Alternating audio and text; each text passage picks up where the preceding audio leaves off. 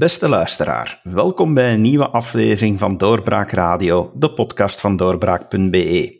Ik ben uw gastheer David Geens en mijn gast waar ik nu mee praat is John de Jager. Hij is pas uh, verkozen en aangesteld tot voorzitter van Pro Flandria. Goeiedag, meneer de Jager. Goeiedag, uh, David. Meneer de Jager, Pro Flandria is misschien niet zo gekend bij iedereen, dus ja, ga ik daarmee beginnen van uh, wat is Pro Flandria? Wie zijn jullie? Uh, kan u dat even toelichten?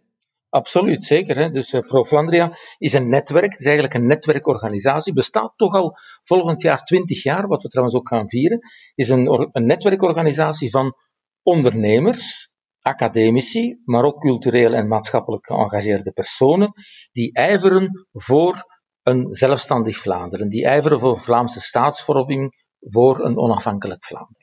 U zegt een netwerk. Is het dan uh, ja, iets waar we, een organisatie waarmee jullie vaak samenkomen en onderling van ideeën wisselen? Ja, zo is het. Het is eigenlijk een besloten vergadering. We hebben een viertal besloten vergaderingen per jaar. Men wordt dus lid ook op anonieme basis. Uh, dat gaat nu eenmaal nog altijd zo. Uh, en uh, alleen de voorzitter en de secretaris treden naar buiten op en zijn publiek bekend. Maar al de andere leden zijn dus anoniem. wij komen een viertal keer per jaar samen en nodigen telkens zeer gerenommeerde sprekers uit. Onze laatste spreker bijvoorbeeld was de minister-president Jan Jan Bon. En de volgende spreker zal de fractieleider van Vlaams Belang, Barbara Pas, zijn en zo verder. Zo zijn er dus al heel wat uh, gerenommeerde sprekers in de loop van de twintig jaar eigenlijk de revue gepasseerd. Daarnaast organiseren we ook regelmatig colloquia, die dan wel voor het grote publiek zijn. Bijvoorbeeld rond de energieproblematiek in Vlaanderen, bijvoorbeeld rond de onderwijsproblematiek in Vlaanderen, bijvoorbeeld rond staatsvorming. Pro Flandria ijvert duidelijk dan voor een zelfstandig Vlaanderen. Hoe proberen jullie dat te bewerkstelligen? Van, zijn jullie dan een lobbygroep naar de politiek toe? Wel, ik denk dat wij dus onze rol eigenlijk is een rol van het uh, creëren van draagvlak, van bewustwording ook, dat de huidige gang van zaken in dit land eigenlijk toch niet rechtvaardig is. Dat Vlaanderen federaal bestuurd wordt door een aantal partijen die eigenlijk zich niet aan de Vlaamse kiezer presenteren. Dus dat we eigenlijk toch leven in een land dat niet echt democratisch is. Je kunt België geen democratie noemen, hoogstens een optelsom van een paar democratieën. En dat is dus duidelijk uh, volgens ons ook niet in orde. Wij bestemmen dus niet zelf wat er bijvoorbeeld gebeurt met de middelen die in Vlaanderen gegenereerd worden. Wij kunnen ook niet zelf beschikken over hoe gaan wij onze sociale zekerheid invullen, hoe gaan wij onze pensioenen regelen, hoe gaan wij onze werkloosheidsuitkeringen regelen, sociale zekerheid en zo verder. Dus dat hebben we allemaal niet in de hand. En daar worden wij dus mee bestuurd door een aantal partijen die eigenlijk geen verantwoordelijkheid afleggen in Vlaanderen. Dus dat is toch wel een groot democratisch deficit. En dat is eigenlijk toch wel ons speerpunt, onze focus waarom we willen werken, om draagvlak te creëren, uh, uh, om uh, de mensen te sensibiliseren ook. Breder dan wij zelf bij ProFlandria, ook naar buiten in ons ecosysteem rond ProFlandria, te sensibiliseren dat het eigenlijk anders moet. Want als men vandaag vraagt aan, aan vele mensen, hè, ook in, ook in Vlaanderen, bent u voor onafhankelijkheid? Dan zullen die mensen waarschijnlijk zeggen, oh, dat is een grote verandering, oh, wat komt er op ons af, wat gaat er gebeuren, wat is dat? Dat is het onbekende, dat is eigenlijk springen uh, uh, in, in het onbekende. Als men aan die mensen zou vragen, zou jij graag bepalen wat er met de middelen die je zelf genereert doet, dan zullen ze waarschijnlijk allemaal antwoorden ja. Zou u zelf graag bepalen in Vlaanderen hoe de pensioenen moeten gestructureerd worden, dan zullen ze zeggen ja. Zou u zelf in Vlaanderen de gezondheidszorg volledig in handen willen nemen, zodanig dat er beter samengewerkt wordt tussen ziekenhuizen en rusthuizen en, rusthuizen en dergelijke, dan zullen zij zeker allemaal volmondig of toch in grote meerderheid ja antwoorden. En dat is dus vandaag het grote probleem waarmee we zitten. Wij moeten sensibiliseren zodanig dat die onrechtvaardigheid die in het systeem is ingebakken, die onrechtvaardigheid dat die kan teruggedraaid worden. En een zelfstandig Vlaanderen is dan het antwoord. Zelfs niet een, een confederalisme of een federalisme. Jullie kiezen echt voor de zelfstandigheid. Wij kiezen voor de zelfstandigheid. En natuurlijk het confederalisme, als je het confederalisme volledig doortrekt, dan hou je misschien alleen nog ergens defensie over of, of een paar andere dingen. En in de facto denk ik, komt dat ook neer op een grote zelfstandigheid. Ik denk dus dat daar toch wel de focus parallel loopt. Uh, en uiteraard, bon, ik denk innerlijke samenleving, er kan zeker ook sprake zijn van solidariteit. Hè. De relatie met Wallonië uh, is belangrijk, maar ik denk dat in zelfstandigheid zowel Vlaanderen als Wallonië erop zullen vooruitgaan. Want vandaag is het zo dat Wallonië eigenlijk door de transfers vanuit Vlaanderen, voor een stuk door die Belgische systemen eigenlijk, is Wallonië eigenlijk, als ik het zo mag uitdrukken, een beetje in slaapgewicht. Vele mensen zijn afhankelijk van uitkeringen. Vele mensen werken voor de overheid en de incentive eh, mankeert, ontbreekt om naar meer ondernemerschap toe te gaan. Honderd jaar geleden was Wallonië een van de meest welvarende regio's in Europa. Dat kan Wallonië opnieuw worden. En dat kan Vlaanderen blijven. Maar als wij zoals wij vandaag zitten in dit, deze Belgische constructie, waar Vlaanderen verplicht wordt van enorme solidariteit transfers eh, te, te, leveren aan Wallonië. En waar Wallonië eigenlijk in slaap gewiegd wordt door dat systeem, zullen wij beiden verarmen. En dat wordt nog eens gekristalliseerd, dat wordt nog eens tot op het punt gebracht door de huidige corona-COVID-19-crisis. Nu zie je dat nog in zijn volle scherpte eigenlijk, dat dit land op deze manier niet verder kan. Als je ziet dat we anderhalf jaar bezig zijn met het vormen van een nieuwe federale regering. Als er dan stemmen opgaan van bepaalde partijen om te zeggen we gaan herfederaliseren, dan zouden we gaan herfederaliseren naar een niveau dat eigenlijk bijna onmogelijk is om te construeren, want we kunnen bijna geen federale regering meer op de poot brengen. En dus naar dat niveau zouden we gaan herfederaliseren. Dat is toch compleet los van de realiteit van onze samenleving. Trouwens, het zijn dan dikwijls partijen hè, die zich sinds de jaren zeventig eigenlijk eh, opgesplitst hebben, die dan nu gaan spreken voor te herfederaliseren. Ik zou u aan die partijen willen voorstellen dat zij misschien in eerste instantie dan zelf terug zich samenvoegen aan de Franstalige en aan de Vlaamse kant, maar dat zullen ze waarschijnlijk niet doen. Meneer De Jager, u bent ondernemer. Uh, Pro Flandria uh, telt ook heel veel ondernemers als lid. Dus ik moet u wel eens volgende vraag stellen. En dat is, ja, iedereen zegt altijd, economie is tegenwoordig een, wereldtoneel. Uh, Europa speelt daar misschien nog een rol, maar het kleine België al bijna helemaal niet is het dan verstandig om nog kleiner te gaan en Vlaanderen een rol te laten spelen op het uh, wereldvlak van economie?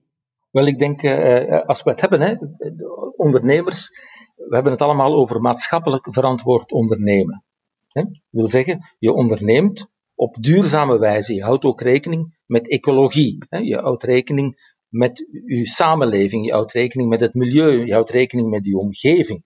Maar dan vind ik evengoed dat maatschappelijk verantwoord ondernemen wil zeggen dat je ook voor je medewerkers moet zorgen, zodanig dat die medewerkers beloond worden voor de prestaties die ze leveren.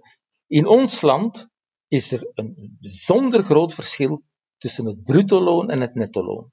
Veel groter dan in de ons omringende landen. En het overheidsbeslag dat dus zo groot is, hm, zorgt er net voor dat medewerkers in principe een vrij normaal bruto loon hebben, vergeleken met onze omringende landen, maar eigenlijk netto relatief weinig overhouden. Dat is toch niet normaal? Het overheidsbeslag is veel te groot en daardoor hebben wij altijd meer en meer moeite om te concurreren met de ons omringende landen. De concurrentie is groot, de globalisering die is er vandaag. En als wij de industrie en de economie willen hier houden, dan moeten wij concurrentieel zijn. 80% tot 90% van wat in Vlaanderen geproduceerd wordt, gaat voor de export. En in, in dat verband is een van de kernelementen zijn onze loonkosten, die eigenlijk te hoog zijn bruto, maar te laag zijn netto. Waarom? Omwille van het overheidsbeslag. Wij hebben een overheidsbeslag hier in dit land dat eigenlijk bijna 50% is van alles wat wij voortbrengen. Wij hebben daarboven een staatsschuld die nu naar de 120% en zo gaat. Het is toch hallucinant dat we enerzijds zoveel belastingen moeten betalen, de hoogste van Europa, en terzelfde tijd de hoogste schuld hebben van Europa, dan moet er toch iets aan ons staatsbestel niet in orde zijn. En dat is waar wij zeggen van kijk, neem verantwoordelijkheid, subsidiariteit, Vlaanderen, Wallonië, zelfstandig, op zelfstandige basis, uiteraard in goede relatie met elkaar. Wij zijn en blijven buren, maar ieder doet zijn ding en ieder zal daar, uiteindelijk zal iedereen daar beter van worden. De keuze is eenvoudig. Ofwel zullen we allebei verarmen, Vlaanderen door de transfers naar Wallonië, Wallonië omdat er te weinig ondernemers en te weinig tewerkstelling zal zijn in de privésector. Ofwel zullen we dus beiden verarmen, ofwel zullen we beiden in de toekomst de vruchten dragen van een eigen aanpak. Maar kan Vlaanderen dan een rol spelen in die geglobaliseerde economie? Is het daar niet te klein voor? Oh, dat denk ik wel. Ik denk dat Vlaanderen dus in die geglobaliseerde economie, als je nu kijkt dat, dat Vlaanderen en Antwerpen en de Antwerpse haven toch nog altijd miljarden investeringen kan aantrekken. Dat wij beschikken over een haveninfrastructuur uh, met Antwerpen, Zeebrugge, Gent-Terneuzen, uh, die dus toch wel voor uh, in Europa zeer, zeer sterk en maatgevend is dan denk ik wel dat wij een, een, verschil kunnen maken naar Europa toe, naar import en export. Pro Flandria is dan een organisatie die daarvoor ijvert, maar is die dan verbonden aan partijpolitiek? Nee, helemaal niet. Hè. Pro Flandria is dus uh, apolitiek. Apolitiek, we zijn niet verbonden aan een of andere partij, maar wij volgen natuurlijk wel uh, uh, zeer nauwgezet de politiek van de partijen. En niet alleen van de Vlaamse nationale partijen, maar van alle partijen. Ik denk dat er in alle partijen wel rechtgeaardige en bewuste Vlamingen zitten. En het is trouwens een van onze bedoelingen hè, van het draagvlak groter te maken, van ook de contacten te zoeken over alle partijen heen, in open dialoog en uiteraard ook zonder exclusieve. Wij sluiten geen enkele partij uit. Tegenwoordig is het spijtig genoeg zo dat uh, alles wat het etiket Vlaams krijgt uh, een beetje negatief wordt bestempeld.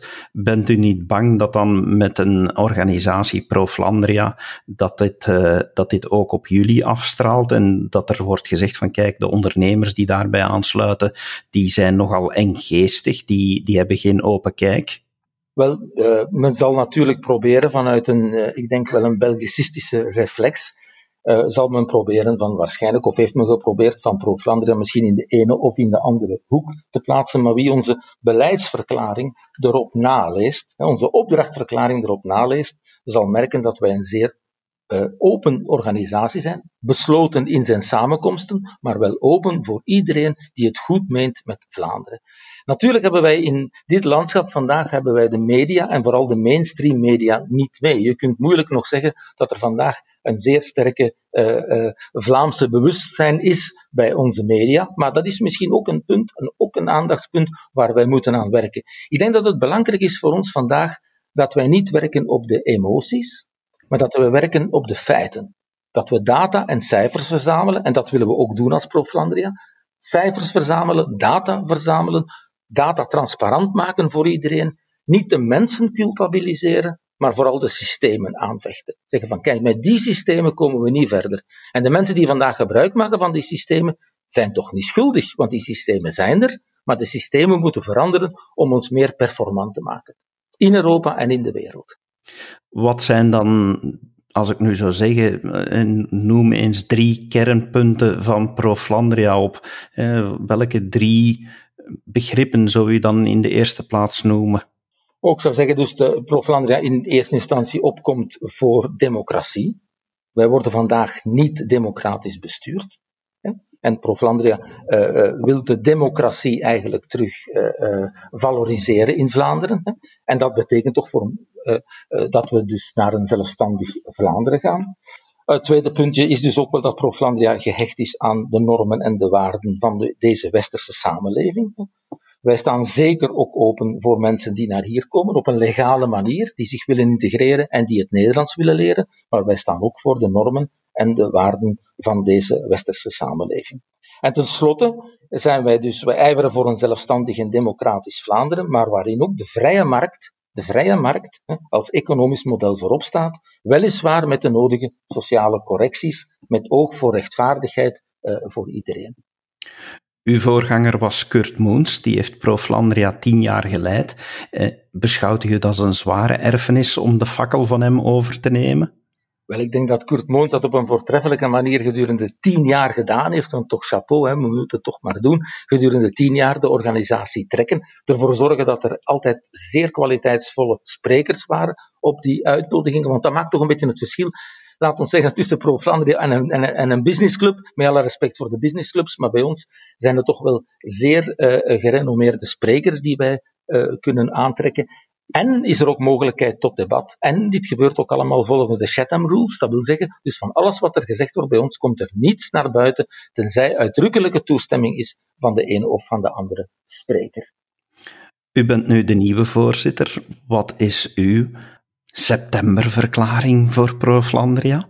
Oh, wel, uh, ik heb geen septemberverklaring, dus uh, we blijven bescheiden. Hè. We zijn natuurlijk uh, pro Flandria, we hebben een aantal zeer belangrijke ondernemers, academici en zo verder in onze rangen. We moeten ook een beetje bescheiden blijven. Ik heb in die zin geen septemberverklaring. Wat ik wel zal doen, is de volgende vergadering, de volgende ledenvergadering, dat is de 31 oktober in de, in de Montil in, in Essenen zaterdag 31 oktober hebben we ledenvergadering. En dan wil ik toch aan onze leden eens voorstellen hoe dat we de volgende jaren strategisch zullen bezig zijn. Rond draagvlak, creatie van draagvlak, hoe dat we dat gaan aanpakken. Om ons draagvlak eh, te vergroten rond die bewustwording dat we de dingen anders moeten aanpakken, want dat de welvaart en het welzijn van Vlaanderen toch wel serieus bedreigd worden vandaag. Als wij dat niet doen vandaag, dan zullen de volgende generaties binnen zoveel jaar daar eigenlijk niet meer kunnen van genieten. Wederom, eh, ik ga terug eh, naar het feit dat u ondernemer bent en dat Pro Flandria heel veel ondernemers kent. Eh, wat zijn uw verwachtingen van de Vlaamse regering nu? Want ja, ze hebben een niet zo schitterend eerste jaar achter de rug, maar wat hoopt u of waar hoopt u nu op in, in het komende jaar van de Vlaamse regering? Wel, het zijn moeilijke tijden natuurlijk door corona, door het COVID-19, door het virus uh, zijn het moeilijke tijden. En waar ik op hoop is dat de Vlaamse regering specifieke maatregelen treft. En het eerste wat ik nu gehoord heb van de septemberverklaring gaat toch wel wat in die richting dat men zegt, we, we doen eenmalige investeringen, we gaan eenmalig en specifiek werken naar een aantal sectoren die het vandaag moeilijk hebben. Maar we gaan dat niet recurrent maken, we gaan dat niet permanent maken, want dan zijn we weer al vertrokken, denk ik, uh, met meer en meer uitgaven en uiteindelijk ook meer en meer belastingen.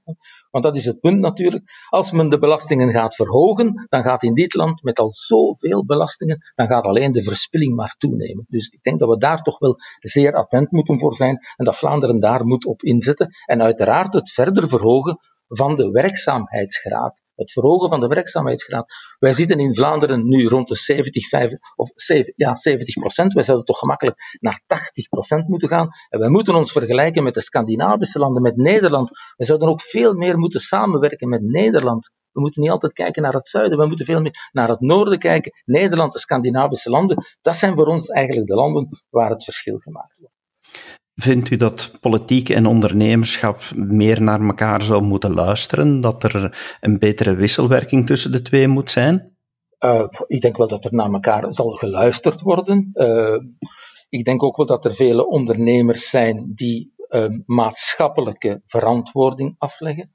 Helaas zijn er ook wel ondernemers die opportunistisch zijn, die misschien eerder naar het Belgisch establishment zullen neigen en die eigenlijk vooral bezig zijn met zelf uh, rijkdom en aanzien te verwerven en die toch minder bezig zijn met de maatschappij. Maar er zijn er heel veel aan de andere kant, zou ik zeggen, van, van de lijn, die toch uh, zeer, zeer maatschappelijk gedreven zijn en die ook willen zorgen voor de generaties van de toekomst. En iedereen heeft zijn taak. Een ondernemer moet ondernemen. En een, een regering, een overheid moet zorgen dat de condities er zijn om te ondernemen. Een overheid moet zelf niet gaan ondernemen. Alleen maar zorgen dat de infrastructuur er is, dat de condities er zijn. En een van die condities zijn natuurlijk, hè, zoals ik juist zei, degelijke infrastructuur en ook een, een, een, een overheidsbeslag dat niet de pan uitschiet. Uit, uh, uh, Hans Kung is, is, dat is een theoloog. Hè? Dat is nu iets heel anders. Er zijn een Zwitserse theoloog die ooit heeft gezegd: wat is het verschil tussen ware en valse religie? En zijn antwoord daarop was: dus ware religie staat ten dienste van de mensen en niet ten dienste van de machthebbers. En zo zou ik het ook willen, willen, willen mee eindigen, David. Wat is waar nationalisme en wat is vals nationalisme? Belgisch nationalisme is volgens mij een vals nationalisme, omdat het niet bijdraagt tot het verhogen van de welvaart en de welzijn, maar eerder tot verarming van Vlaanderen en Wallonië. Met Vlaams nationalisme hebben wij de mogelijkheid om dat bij te sturen en dat te veranderen. Dat is een duidelijk onderscheid, meneer De Jager. Dank u wel om dat uh, mee te geven en uw visie te geven op een verbetering van Vlaanderen. En nogmaals, proficiat met uh, uw nieuw voorzitterschap. Dank u wel, uh, David. Dank u wel. Graag gedaan. En u, beste luisteraar, dank u wel dat u weer geluisterd hebt naar onze podcastaflevering. Luister zeker ook naar de andere afleveringen die we online hebben staan en die er nog zullen komen. En u kan ons natuurlijk ook blijven steunen door een vriend te worden van Doorbraak. En uh, ja, u kan natuurlijk ook automatisch op de hoogte blijven van nieuwe afleveringen door u te abonneren op onze podcasts via uw favoriete podcast-app, waar u ons terugvindt als u zoekt op Doorbraak Radio. Dank u wel en tot de volgende keer. Dag. Dit was een episode van Doorbraak Radio, de podcast van doorbraak.be. Volg onze podcast op doorbraak.be/radio of via Apple Podcasts, Overcast of Spotify. Bezoek ook onze website op doorbraak.be en steun ons door een vriend te worden van Doorbraak.